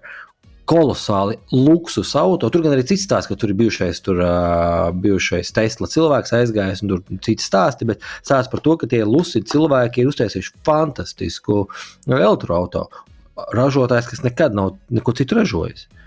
Un vairāk tādu stāstu veiksmīgi. Ļoti. Ai, nu, bet zini, kā ar šiem visiem uh, nano autoražotājiem, kā Lucits vai, vai Rivians vai, vai Nio, labi, Nio nav piemērs labs, bet Lucits un uh, Un, un, un, un, un, un Rivians. Nu, tie... nu, Rivian, nu, nē, nē, domāju, nē. ka ir tāds tik nano tomēr. Nē, nē, nē ir, protams, vispār viņi, viņi nekas, viņi ir puteklis. Viņi arī nekas visdrīzāk arī nekad nebūs. Uh, Tāpēc, ka vienkārši viņiem nav ne naudas, ne, ne iespēju uh, būt lieliem. It īpaši tagad, kad tev ir milzīga konkurence, tāpat ir Tesla, jau, un visi pārējie beidzot ir piedzinušies. Bet Ķīna, ar Ķīnu jau nav viss tik vienkārši. Ķīnā ir tas tirgus, kurā viņi var uh, kačāt skilus uh, iekšējais milzīgs. Gīlīs, ja tur tas bīdu vai kā viņu pareizi sauc. Viņi, tad, kad nāks ar milzu vilni uh, Eiropā iekšā, es domāju, ka tur Tad tie, kas paspēja, tie paspēja, tie, kas nepaspēja, tie būs vienkārši noslaucīti. Tur nav variantu. Tas ir liels naudas bizness. Ķīnas auto kvalitāte ir arī augusi. Viņi nav tik krāsīgi augusi kā Korejas auto kvalitāte, noteikti. Bet Ķīnas auto kvalitāte ir augusi, noteikti. Es pasēdēju, es nesenācu pabraukt, es pasēdēju ar Ceres 3. Es biju pārsteigts par to, cik tas auto ir patīkami salikts. Nu, redz, redz, jā. tā kā es domāju, Māri, ka mēs kļūsim liekas... vēl atkarīgāki no Ķīnas, kā bijām. Mārija, man liekas, ir uh, good point par to, ka, nu, ka elektroautorāta uh, to vienkāršo to viņu uzbūvi, jo nebavelti arī uh, nu, tehnoloģiju uzņēmumi, kas, ka, kas vienmēr ir bijuši tālu no, no mašīnām. Tā kā cielē šajā virzienā. Tas pats Sony to mīļais. Tas Sony mīļais arī skatās uz mašīnu jā, ražošanu. Sony- Apple skatās Sony- mašīnas ražošanu. LG, Apple un, un, un, un, un Nintendo, protams. Xiaomi galā arī. Visi viņi skatās. Mm. -hmm. Okay, uh, vēl tur pie Apple. Tātad uh, vēl no šīs nedēļas ziņa bija tāda, ka Apple ir noslēguši multimiljardu uh, darījumu ar Broadcom. Uh, Broadcoms ir uh, uzņēmums, kas uh, ražo dažāda veida čipus, vienkārši runājot, uh, no kuriem teiksim, ar tīkliem ir arī uh, daļa šeit, teiksim, šie te čipi. Un tur tas stāsts ir par to, ka nu, atkal Apple uh, mēģina būt mazāk atkarīgs no kaut kādiem uh, citiem ražotājiem. Un, uh, izmantot komponentes, ko amerikāņu kompānijas kaut kādā mērā arī Amerikā ražo. Tā kā redzēsim, kas no tā beigās viņiem sanāks. Bet nu, multimiljardu vairāku gadu mm, deals teiksim, ar šo Broadcom, kas ir arī labi zināms uzņēmums industrijā. Lūk, uh, jā, Apple tad mums VVDC būs tāda nevis nākamā nedēļa, bet aiznākamā nedēļa. Es domāju, ka nākamajā epizodē mēs varēsim bišķiņi iziet cauri kaut kādām, teiksim, rumoru miliņiem, uh, kas tur sabaumos. Nu, par bildēm, protams, viss tur baumo, bet tas jau nav vienīgais. Šonadēļ bija kaut kāda vēl, kad, teiksim, iOS ierīču lockscreeni varēs, varēs tikt izmantoti kā nu, šie dinamiskie displeji. Nu, kad tas home acīm redzot, kontroli vairāk varēs izmantojami būt, nezinu, tur gaisma ieslēgt, izslēgt. Tā kā tāda lieta varētu būt jaunajā iOS versijā parādīties. Bet to mēs uzzināsim aiznākamā nedēļa. Lūk. Tālāk, uh, kas mums vēl tāds bija no aktuālajām lietiņām? Nu, kas jums acī iekrita no tām tēmām? Jeffs Bezos. Ah, ne, nu, ok, zeltainā presē. Jā. Jeffs Bezos sadarinājies ar savu uh, draugu, uh, ar kuru viņš pazīstams tur un tusēja kopā. Nezinu, četri gadi. Tad tas nav mirkļa. Bet viņi ir mākslīgā skaistuma upuris. Nu, bildē, jā, bildē izskatījās uh, ar, ar piesitienu, ar, ar tūningu nelielu. Medus mēnesī nebrauks kosmosā abi divi. Ah, viņš gribēja viņu uzsūtīt kosmosā, starp citu. Uh, Bet cik miljardus Bezos pazaudēja savās pirmajās, pirmajās, pirmajās laulībās? ko nozīmē pazaudēja? Ko nozīmē pazaudēja? investēja citur. Jā, Nē, bet, bet ja pareizi tu saki, tā, tad uh, Jeffs Bezos tur šķīrās pirms kāda laiciņa ar uh, savu nu, sievu, tātad bijušo uh, Makenziju, ar kuru viņi kopā bija nodzīvojuši 25 gadus. Tad, nu, normāls kā mūžs. Uh, un, protams, ka tā sieva tur uh, nu, nodrošināja neskaitāmām paudzēm savu dzīvi, bet tas ir normāli. Tādā ziņā, ka nu, viņi taču arī auga, auga līdzi uh, Bezosam, nu, kas no nekā uzbūvēja šo impēriju. Tāpēc nu, nevar teikt, ka nav nekādas iesaistes. Te gan vēl zinu, kas man nāk prātā. Uh, Bills Geits taču arī izšķīrās ar Melindu uh, kā. Un interesantā kārtā abas šīs sievas, gan Melinda, gan uh, Makenzija, savā starpā tusē kaut kādos arī filantropiskās aktivitātēs, jo abas šīs sievietes, tāpat kā arī Bills Geits. Jeffs Bezos nav nekāds baigais ziedotājs. Jā, tātad abas šīs sievas kaut kādās ziedošanas akcijās arī iesaistās. Cits Nu, jau Pagaidot, Bill Gatesam tur bija pinās šausmīgas sazvērstības teorijas par to, ka tas bija nodokļu gājiens šķiršanās. Es nezinu, vai tas konkrētais gadījums, bet es arī kaut kad nesen skatījos kaut kādas video, ka principā mēs visi kā lohi maksājam nodokļus, bet uh, pasaules bagātākie cilvēki visādos veidos iemanās, un viņi nemaksā gandrīz neko vai ļoti, ļoti, ļoti, ļoti, ļoti maz no nodokļiem. Un Tā, pat tas uh, oranžais mērkaķis Trumps taču ir pat esot lielījies kaut kur mēdījos, kad ha! Esmu baigis spicējis nazis, es nemaksāju tur nodokļus. Es nezinu, vai tas mūsu ko gan saka, cik viņš maksā. Viņš parasti par to cepās. Kaut ko viņš maksā, tad noteikti optimizē arī viņš kaut kādas lietas. Nu. Lūk, uh, pagaidiet, ko kāpēc mēs runājam par, uh, par dzeltenās preses? Jā, nu, jebkurā gadījumā priekus un laimes uh, Bezosu jaunajam pārim. Bet kā Baiba Sipaņēns šodien no rīta rādio izteicās, ka no, normāli tā kā pareizo vecumu, jo arī, arī šeit eh, tai sievietei kaut kas ap 50 gadiem, tāpat kā arī Jeffs nav nekāds jauniņais. Zinu, kā nav tas stereotipiskais case, kad uh, tu esi pasaules viens no bagātākajiem cilvēkiem, tad, nezinu, tur precēsies Esi ar, ar, ar, ar, cukurpaps. jā, cu- cukurpapiņš kaut kāds. Jā. Tā kā viss ir ļoti normāli. Visi, ah, un bija, bija vēl bija ziņa, tātad viņam kaut kāda mega jahta ir Džefam, un tā jahtē bija priekšā izgrebts kaut kāds no koka tās krūšu tēls. Tad tur cilvēki spekulēja, hmm, vai tas gadījumā nav šīs jaunās topošās sievas. Tur tādā arī diezgan iespaidīgiem argumentiem bija šis te krūša tēls, un ko tu zini, varbūt arī ir. Kā. Kaut mums būtu viņu problēmas. Jā. Ok, labi. Uh, kas mums bija tehnoloģiskākām tēmām? Mums bija vai nebija vēl? Par to Google plūdu prognozēšanu. At... Vai to kāds ir apskatījies? Tas, kas tas ir? Uh, nu jā, tad Google, protams, ir miljards visādi lielāki, mazāki projektiņi. Uh, un bija tiešām šonadēļ tāda preses relīze atsūtīta, ka uh, es vispār pirmo reizi dzirdu, ka Google vispār ir, ir tāds rīks, tad viņiem ir kaut kāds plūdu prognozēšanas rīks. Protams, tur priekšā pakaļā ir mākslīgais intelekts iekļauts, bet ziņa ir par ko? Ka plūdu prognozēšanas rīkā tagad ir iekļauta arī Latvijas teritorija. Un, protams, ka Latvijā mums īpaši nav plūdu daudz, un, bet nākotnē gan jau būs vairāk, ņemot vērā klimata pārmaiņas, is a thing. Tomēr. Tad nu, zinām, ka mēs esam šajā te, uh, plūdu prognozēšanas rīkā. Adrese sites.research.google slash flood forecasting. Ielikšu aprakstā, kursorā. Uh, bet jā, tad iespējas ir pieejamas 80 valstīs, un tagad pievienojas 60 jaunas teritorijas, starp kurām ir arī Latvija. Un, uh, tas varētu rīks būt noderīgs valdībām, palīdzības organizācijām, privātpersonām, uh, ka tur var sekot līdzi tātad, plūdu iespējamībai un saņemt arī kritiski svarīgu informāciju par, par, par, par kaut kādām lietām, kad viss iet tūtē klubs. Nu, es jā. neesmu apskatījies šo konkrēto, bet tas rīks gadījumā nav, nav kaut kas līdzīgs. Kā, pieņemsim, laikapstākļu lietotnē bieži vien parādās oranžais brīdinājums par meža ugunsgrākiem un, un, un tam līdzīgi. Es pieļauju, ka kaut kādai apziņošanai, ja kaut kas tāds. Nu, uz to pusi, jā.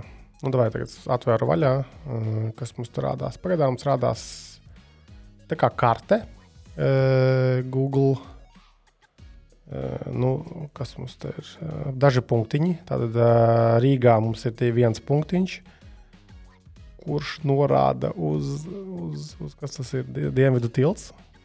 Kas tur var aplūst baigi? Daugava. Saltilts ir aplūst. Nē, Saltiltsam nē. Vienkārši Daugava viņam nepatīk. Kur tur bija Jēkabpils, kas tur vēl, kur jau šogad bija plūdi? Pļaviņā? Tā, tur viss ir kārtībā. Viņam nepatīk pie Daugopils kaut kāda upīte. Tātad, tā pati Daugavacim redzot, tur kaut kādā brīdī kaut, kaut, kaut ko tur. Nu, ogri izšķila regulāri riska zonā. Nu, ne Google prātā. Nu, līksnas upīte Google nepatīk kādā sakarā. Ja kāds klausās no līksnas, tad uh, apkājamies, tad uh, Nu, sāciet uzmanīties jau. Sāciet, sāciet jau laicīgi uzmanīties. Jā, jā. būvēt, jau meklēt uh, uz Marsa kādu vietiņu. Tā, un pie Bauskas mums, protams, ir kaut kādas problēmas, potenciāls lielupe. Un tālāk iecava kaut kas tur arī. Šobrīd, protams, tur ne danger level, ne warning level ir ļoti maz tā ūdens. Varētu vispār kādā pavasarī agrāk paskatīties, vai tur rādīsies kaut kādi citi dati. Bet, nu, fakts kā tāds, jā, ir. Ugh, vēl par aktuālajām lietām.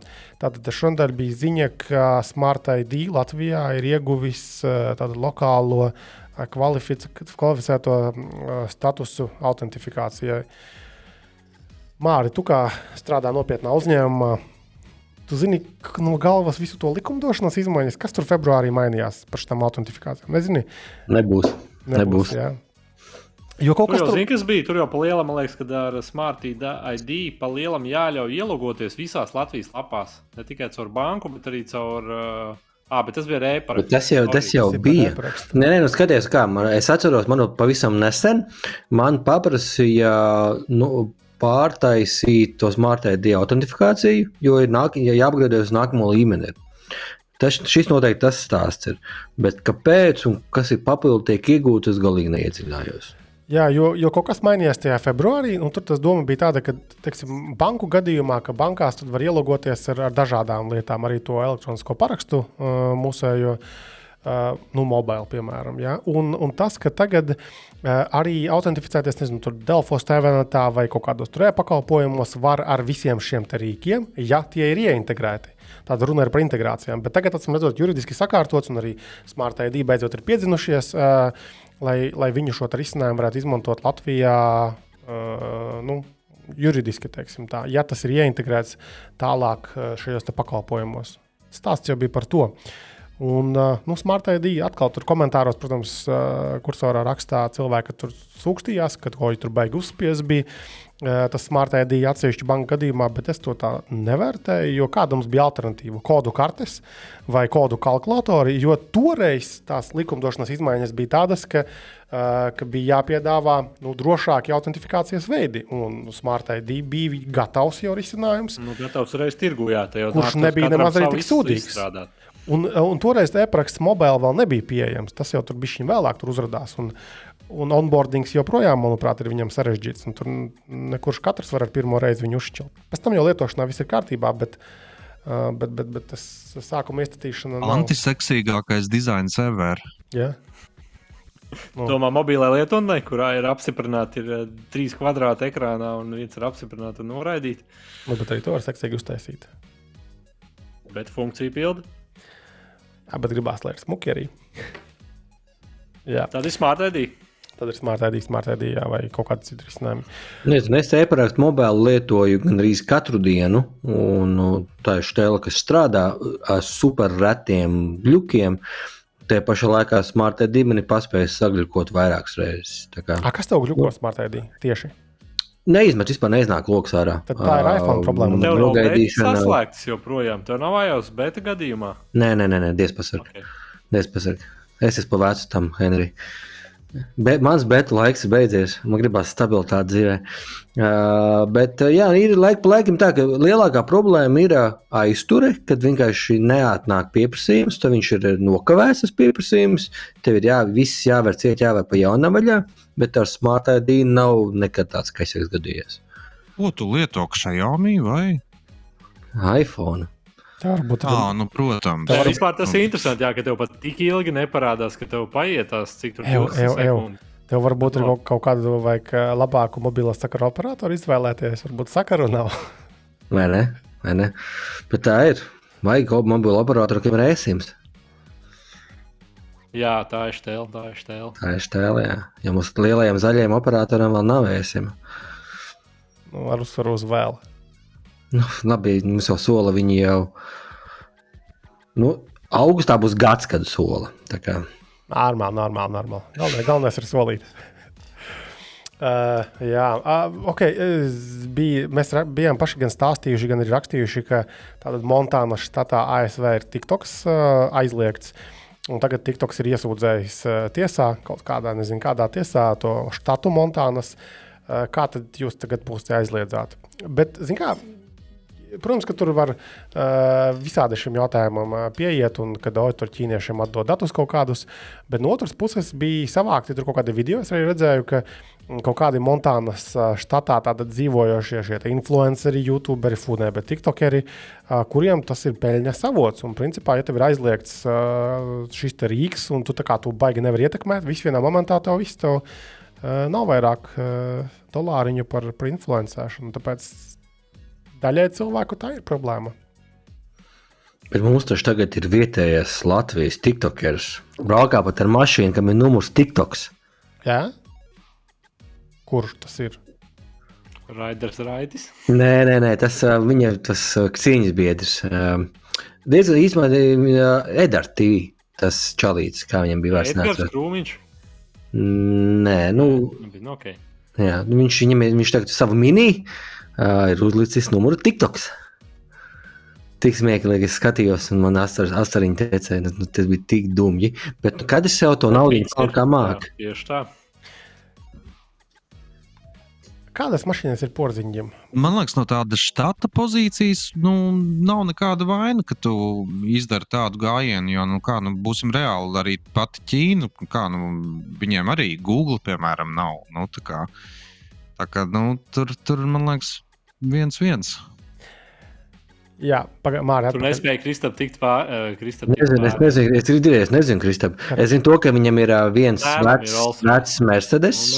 Vecs mērķis, ko viņam uzbūvēja Lucky 13. Kādā krāsā? Kolosāls, briesmīgi, briesmīgi kolosāls, Kādā krāsā? balts. Ar numurzīmi. Uh, Hustler, Hustlin, Tonija. Tony. Jā, jā, vo, šis ir Tonijs. Tieši Kāpēc. Tonija? Jā, jā. Kāpēc Tonija? jā. Un viņam ir, viņam ir Wraith, kas gan stāv Amerikā. Tagad man liekas, Rolls Royce. Geļiks. Geļiks, bet ne, neviens stāsts bez geļika vispār nedrīkst eksistēt šajās pasaules. A Latvijā viņam nav Jā. rolsa nekāda. Tēvam. Nezinu vairāk. Viņa tā privātajā dzīvē pat raksta kaut kur dzeltenajā presē, ka viņam tēva, tad viņš bija tēvam nopietns. Kādā krāsā? Nezinu, zaļganīgs varbūt bija. Es Karači. Es uh, vienu dienu gāju uz darbiņu, uh, un uh, tātad, uh, tur, kur es gāju uz darbiņu, gan drīz uz gājēju pārējas, uh, kaut kādā ļoti nestandartā pozā bija viens Rolls-Royce nostājies. Un nav tā, ka Rīgā ir baigi daudz Rolls-Royce. Vispār gandrīz nekad viņus neredzu, un, un es kaut kā iedomājos, mm, vai tik tur porziņģis nevarētu būt iekšā. Un Jo tā- porziņš ir Latvijā, tā kā jā. Jā, jo es šodien viņu redzēju. Es braucu garām atkal uz mājām. Es redzu, pirmkārt, pa gabalu tiešām smuku, baltu Mercedes. Es neatceros, kurš tas dubult vai. Nu, bet, nu, vecs, tiešām barža milzīgā. Mm -hmm. Tad es redzu tālāk numurs Tonija. Toreiz, oh, oh, ka kaut kāds beigas krutais nazis. Braucu garām, un tur tiešām tāds garš šlanks izkāpa Jā, jā, jā. ārā. un tā kā Tas Jā, jā, tur viņam tā mašīna ir vaiprātīga. un Viņa ir kolosāli restaurēta ar jaunām detaļām no visas pasaules. Plus Viņa, viņai, jā, viņai tur ir tie nu, bagāta basketbolista salons, tur dīvains ar integrētu breitlingu pulksteni panelī. Nu, dažādi prikoli ir tajā mašīnai. Vispārēji vizuāli no ārpuses viņa lieliska, salons ir naļubiķeļa. Bet uh, nu, man ir prieks par to, ka nu, kad ir tāda veca klasika novērtēta, nevis iekāpam jaunā sarkanā gaļā un priecājamies. Bet ir arī tāda forša auto, ko stilīgi pavasarī pārvietoties. Bet šitais Lucky 13. uh, Vienu momentu es kaut kā visu laiku man visi sociālie tīkli rādīja viņu kontentu Instagram, Facebook. Tagad kaut kā mazāk es viņus redzu. Vispār viņi kotējas, viņi ir krutičaļi. Uh, Viņi krūtišķi viņi tikko pārcēlās uz jaunām telpām, kuras kolosāli pārbūvēja. Uh, sataisīja pa smuku, ir atsevišķa krāsošanas zāle, ir atsevišķa detēliņa zāle. Uh, viņiem tur pasmukoja. Nu, tā kā tiešām pasmuko tagad. Viņiem jau iepriekš bija baigi skaisti. mm. bet tagad vispār liels un smuks un foršs. Un, uh, un es arī varu kādu laiku, atpakaļ, kāds mē, pusotrs mēnesis atpakaļ saskrējos, netiešām mēs papļāpājām. Ā, Tieši pirms, tieši pirms eksotikas, jā. Viņš eksotikā, protams, atkal izstādījās tur. Tieši pirms eksotikas papļāpājām. Nu, viņš teica, jā, ka tagad nav laika sociālajiem tīkliem, ir, ir vaiprātīgi daudz darba, ir pasūtījumi uz priekšu, tur, jo viņa kvalitāte, viņš ir dārgs, viņš ir viens no dārgākajiem reāli auto pārbūvētājiem un, un, un tuneriem. Bet nu, tā kvalitāte pretī ir, nu, viņi ir, viņi ir. Tur tā diezgan lieliski. Tāpēc arī porziņš taisās pie viņa. Un vēl tur daudz visādi stāsti. Kri- No Krievijas stāsta tagad mazāk, bet arī ļoti, ļoti daudz slaveni krievi. Daudz krievu ka slavenas ir pie nu, taisījušās. Jā, jā tieši tā. ir, jā. Jo tur tiešām ir ļoti, ļoti augsta līmeņa, tīpaši interjeru kvalitāte. Tā kā ja, es, ja mums kādreiz dzīvē paveiksies, ja? Nē, Tu. Hyundai gribēsi atjaunot. viņi var piekrāsot man sarūsējušo spārnu. Labi, es saprotu, ka nav atbildes. Es domāju, ka lai tādu gudrāku un mazāk aizskarošu atbildi, bet uh, Eju, pagaidi. dažreiz, dažreiz vajag paklusēt. Jā, bet mēs neklusējam podkāstā. Kā sokas uh, HGK Formula driftiņā atkal brauc ja? šogad? Ceturtā vieta. Otrajā posmā, pirmais posms neuzspēja mašīnai atnāca. Uh, Atlanta bija otrais posms, uzbrauca ceturtajā vietā, bet uh, es īsti nesaprotu, kāpēc. Bet kaut kāda mašīna defekta dēļ, jo pēc otrā brauciena viņa aizveda evakuatoru. Bet tāpat tās kolosāls rezultāts uh, nu, pēc piecu gadu, ne trīs vai četru gadu pār, pār, pār, pārtraukumā debijai ļoti lieliski. Tūlītās ir nākamais posms. Un baigi forši, un es arī man ir uh, slepens plāns uh, neteikt sievietēm arī uz vienu posmu aizlidot uz Ameriku. Uh, tāda iespēja man dos.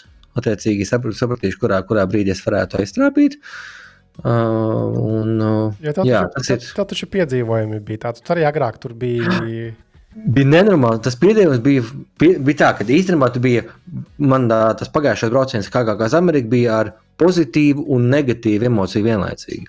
Pozitīvi bija tajā, kad nu, mēs tajā brīdī, kas bija neizmantotais laiks, mēs ļoti daudz, es tiešām apskatīju Ameriku, apskatīju Vašingtonu, iztaigāju Ņujorku.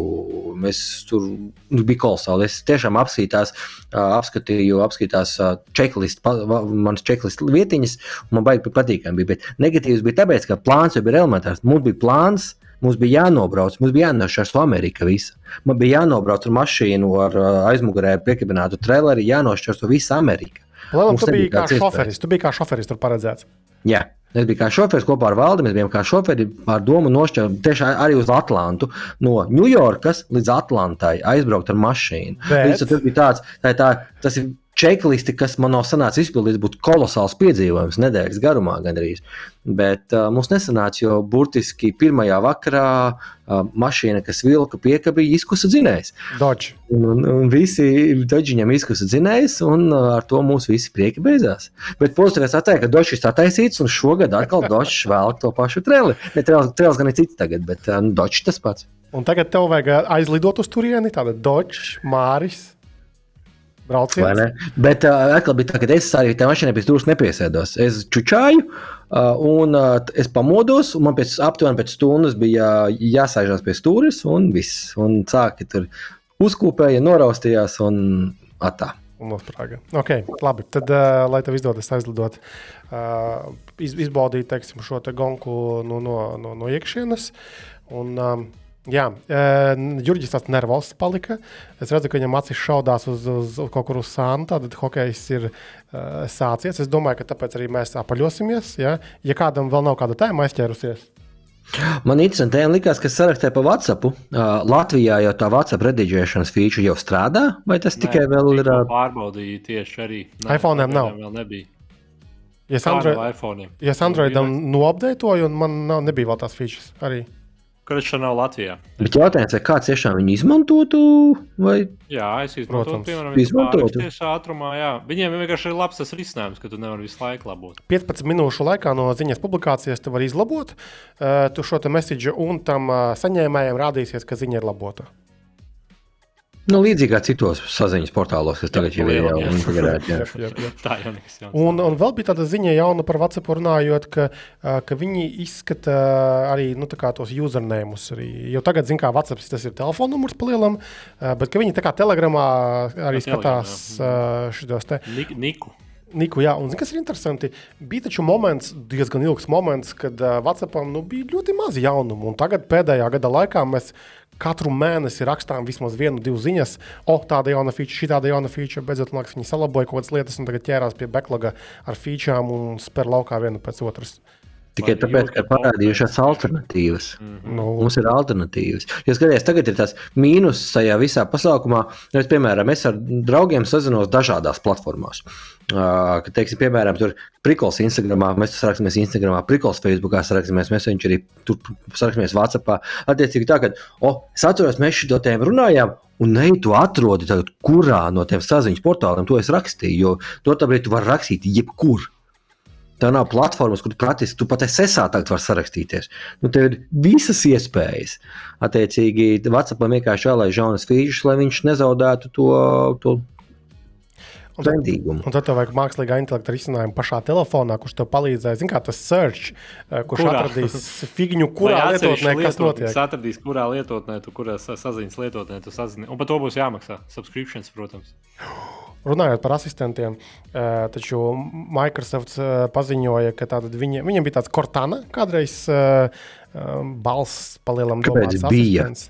Ir vēl, jā. Ja? Nu, jā. bet, tagad, respektīvi, viņu nomainīs uh, nākamajā lielajā Windows 11 versijā. Microsoft Copilot. Vispār viņi daudz ko ar Copilot izmanto, un tad būs uh, šis modernais uh, mākslīgā intelekta risinājums, būs Cortānas vietā. Viņš tur mācīs kaut kādus tur uh, uh, palielam. Ed, um, darbināt dažādas settingus, ja piesaistījumus pamainīt Windows, ja tur kaut kādus datus atrast, kaut ko apstrādāt, izvilkt kaut kādus šos kopsaucējus. Papētiet Windows developer blogā. Jā, jā ir. Es tikko apskatījos savu Windows 11 un ir vēl kortāna. Viss ir. Nekur nav pazudus. Es pabeigšu izmantot viņu. Nē, es esmu atslēdzis pilnībā, bet man tāpēc bija, tāpēc bija vajadzēja tagad, lai Es pateiktu. paspēju, jo tagad ir iespēja to sēžu bāru vispār noslēpt, kas ir baigi forši Windows 11. Windows 10 bija tāda forša feature, kur varēja ieslēgt, ka tajā sēžu bārā tu varēji kā kalkulātoru izmantot. Nu, tā kā Macintoshos mēs esam pieraduši, uzreiz rakstīja formulu un te uzreiz ir rezultāts. Un Windows 11 es kaut kā, es neesmu baigi meklējis vēl, bet tā kā out of the box nedarbojas šī feature. Uh, būs jāpameklē, vai vispār to var ieslēgt. Nu, lai nav to, piemēram, kalkulators, jāvar vaļā kā lietotne, bet vienkārši uh, tur, piemēram, nezinu, Windows ir podziņa un vienkārši raksti darbību, tu nezinu, kaut kas reiz kaut kas mīnus kaut kas, un uzreiz rādās rezultāts. Jo Macintoshā tu baigi pierodi tomēr pie šī sīkuma. It kā sīkums. Nekad neesmu izmantojis. Nu, ka, tev nevajag rēķināt, ieraksts searchā? Perfekti. Rītīgi. Pagaidiet, jā, nu tajā, tajā spot, spotlightā tu domā, Jā, jā? nospieda komandu space Jā, un rakstīja Viens plus viens. 5 plus 5. wow, O, kolosāli. O, redzi, tu kaut ko iemācījies, Viņš ir kauns. Nedaudz kauns par tevi. Nē, man gan abolī, gan, gan, gan Windowsā man ir uh, shortcutiņš uz kalkulātora. Tagad tu zini, ka tev nevajag. Vismaz Macintoshā. Jā. Ok, labi. Tad uh, es domāju, ka apaļojamies. Tātad uh, milzīgs paldies uh, visiem šīs sarunas dalībniekiem. Novēlam izdošanos arī Latvijas hokeja izlasē. Nu, ir labi izdarīts darbiņš, bet nu, pamēģinām izdarīt. Ļoti interesantu darbiņu arī šodien. Un jā, paldies, ka klausījāties. Un tiekamies pēc nedēļas. Tā, tā, tā. Čau!